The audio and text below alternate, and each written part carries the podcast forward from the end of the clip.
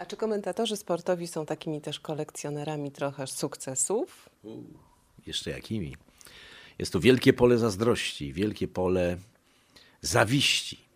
Dlatego, że mm, jedni mają szczęście trafić na takie postaci, z którymi się idzie. Idzie się na przykład dekadę z Robertem Korzeniowskim. A Przeszedłem potem się przerzuca na Małysza, tak? równolegle, równolegle jeszcze, czyli w lecie z Robertem, z Adamem w zimie. I trafiam dziewięć złotych medali, cztery z Igrzysk Olimpijskich, trzy Mistrzostw Świata, dwa Mistrzostwa Europy. Adam cztery złote medale i wszystkie komentowałem Mistrzostw Świata. Jeden z y, kolegów, ym, zawistników, mówi, że gdyby on komentował, to by był jeszcze słynniejszy niż Adam Małysz. Więc zawsze jest coś takiego, że dlaczego on miał to szczęście, albo dlaczego on to robił, może miał jakiś układ, znajomości. To oczywiście jest brednią, ale pyta pani, czy to jest powód do e, jakichś e, takich pomysłów na kolekcjonowanie sukcesów. Tak. My w swoim zadufaniu zawodowym często myślimy, że jesteśmy tymi, którzy z tymi sportowcami są prawie na równi. Nie, my jesteśmy od opowiadania o nich i jak nie psujemy tego, to jest fajnie. Ja pamiętam, nikt nie chciał jechać na wyścig pokoju w 1985 roku, kiedy startował Lech Piasecki i Andrzej Mierzejewski. Po prostu nie było chętnych. No i padło na mnie, bo robiłem w radiu wyścigi pokoju i mówią, no to ty pojedziesz. I się wszystko zaczęło od prologu w Pradze, który wygrał Piasek. Później polecieliśmy do Moskwy, bo była 40. rocznica obchodów zwycięstwa nad faszyzmem, trzy etapy tam rozegrane i na Kryłackoje, ta słynna olimpijska trasa, na której kiedyś Czesiek Lang był drugi za Suchoryczenkowem, a wygrało centymetry z Barinowem. Na tej trasie ci dwaj nasi mistrzowie, czyli Mierze i Piasek, mówiąc w skrócie ich nazwiska, tak sportowo, uciekają i nie dają się złapać ekipie Kapitonowa, która w sześciu ludzi goni i nie są w stanie złapać dwójki Polaków. I się zaczyna euforia. Ale to szaleństwo. W Polsce jest po prostu odjazd. Wjeżdżamy do kraju. Pierwszy etap jest w Bielsku. I oczywiście, kto jest pierwszy? Wygrał w tym wyścigu kilka etapów Leszek Piasecki. Z grupy pięknie wychodzi. W ogóle nie ma. Marek Szaczyński go rozprowadza. Ciach! I jest na kresce nie do pobicia. I nagle porywają go ludzie, ale to mało. Nas od stanowisk unoszą w górę, zakładają nam kapelusze i niosą nas triumfalnie ulicami przez miasto. To jest po prostu przeżycie, którego no, nic nie wywabi z pamięci. Wielkie, takie, które pokazuje siłę sportu, siłę emocji y, społecznych, y, kiedy ktoś, Polak, odnosi zwycięstwo. No po prostu coś fantastycznego. I, I mogłem to przeżyć tylko będąc właśnie w sporcie i tylko będąc obok tych wielkich sukcesów Leszka Piaseckiego. Ale wie pan, sport polega na tym, że jeden wygrywa, a cała reszta przegrywa. Większość w sporcie przegrywa. Testem dla sportowca jest, jak on sobie z tymi porażkami radzi. To się też chyba zapisuje w pamięci. Może to nie ma się czym chwalić, ale to jest taki, mm, no, taki głęboko, głęboko ludzkie przeżywanie sportu. Tak, bo rozmawiamy o zwycięzcach i ci zwycięzcy majoryzują naszą uwagę. To prawda, że oni y, jakby ciągle są obecni wśród nas. Ale sport jest rzeczywiście sztuką przegrywania też wielką, bo jak pani słusznie zauważyła, to większość sportowców przegrywa, wygrywają ci nieliczni. Co jest istotne, żeby nigdy nie osądzać, że sportowiec zrobił to, bo był słabo przygotowany, że Wziął udział w reklamach. albo jakieś inne powody. On sam najlepiej wie, co przegrał. Proszę mi wierzyć, bo to dotyczy przecież i nas w różnych sferach życia. Najboleśniejsze są te porażki, które uświadamiamy sobie, że są po części naszym udziałem, naszą winą. I że mogliśmy lepiej to zrobić. I że trzeba było to lepiej zrobić. Ale już nikt nie wróci czasu. I to jest po prostu rzeczywiście w sporcie niezwykle ważne. Trzeba widzieć także e, przegranych. Bez nich nie ma sportu, bo ci zwycięzcy nie byliby nic warci, gdyby nie mieli wokół tego tłumu pokonanych. Tych wielkich rzesz, które chciały aspirować do ich miejsca, ale albo nie były w stanie, albo im się nie udało, nie mieli szczęścia, nie mieli możliwości. Zawsze można tu podłożyć jakąś dowolną interpretację, natomiast są potrzebni. Pokonani są w sporcie tak samo ważni jak zwycięzcy.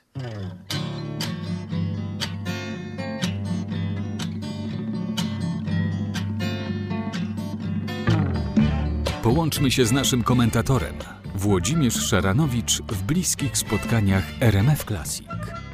Zrobiłam taki test wśród znajomych, bo ja należę do tych osób, które nie wiedziały, że pana pierwszym językiem był serbski. Bardzo pana przepraszam. I to wyszło tak pół na pół.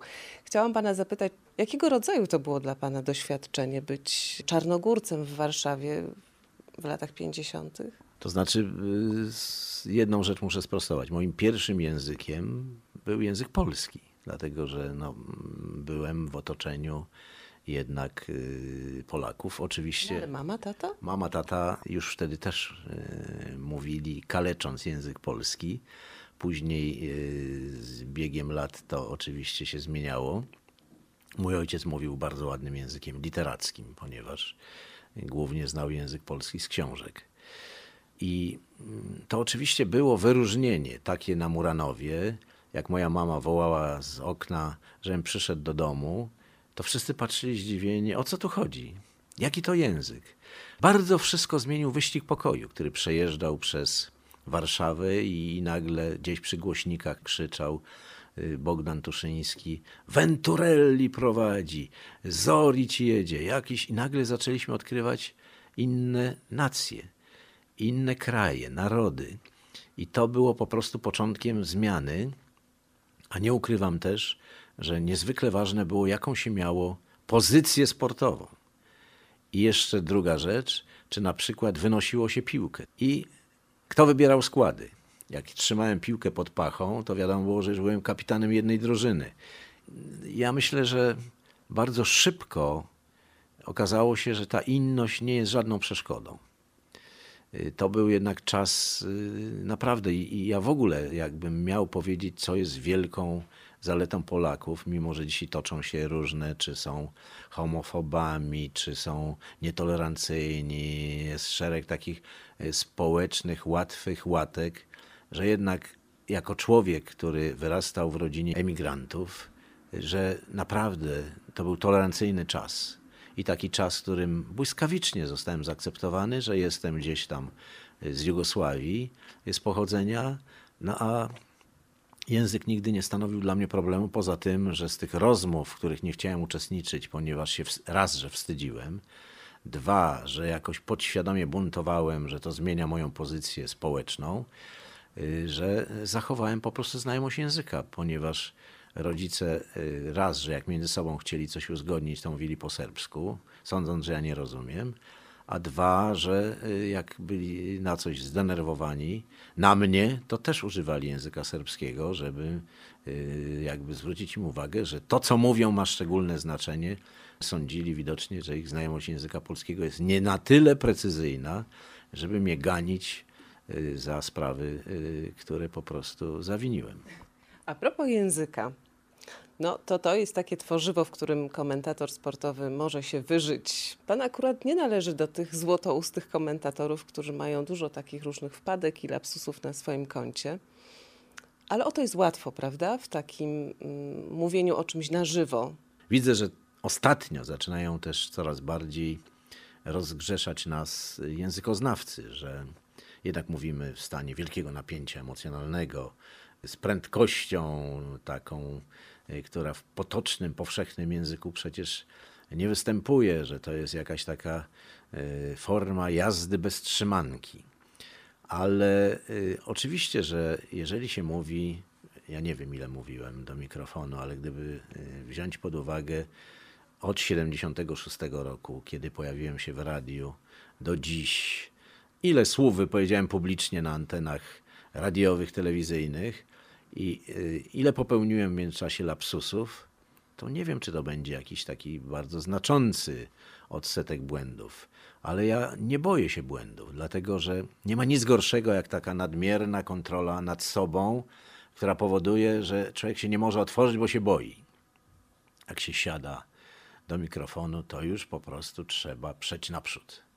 To nie znaczy, że trzeba się pozbawić myślenia, y, kontroli, rozumu, tylko trzeba jednak dać y, możliwość poluzowania sobie w tej narracji, szukania jakichś ciekawych spostrzeżeń, zauważania rzeczy, które są mniej dostrzegalne i czasami poprzez to, że tu ucieka widowisko, a ja chcę coś jeszcze wtrącić, czego widzowie nie widzą, robi się z tego jakaś zbitka nie dla wszystkich zrozumiała. Myślę, że z czasem następuje też uproszczenie języka.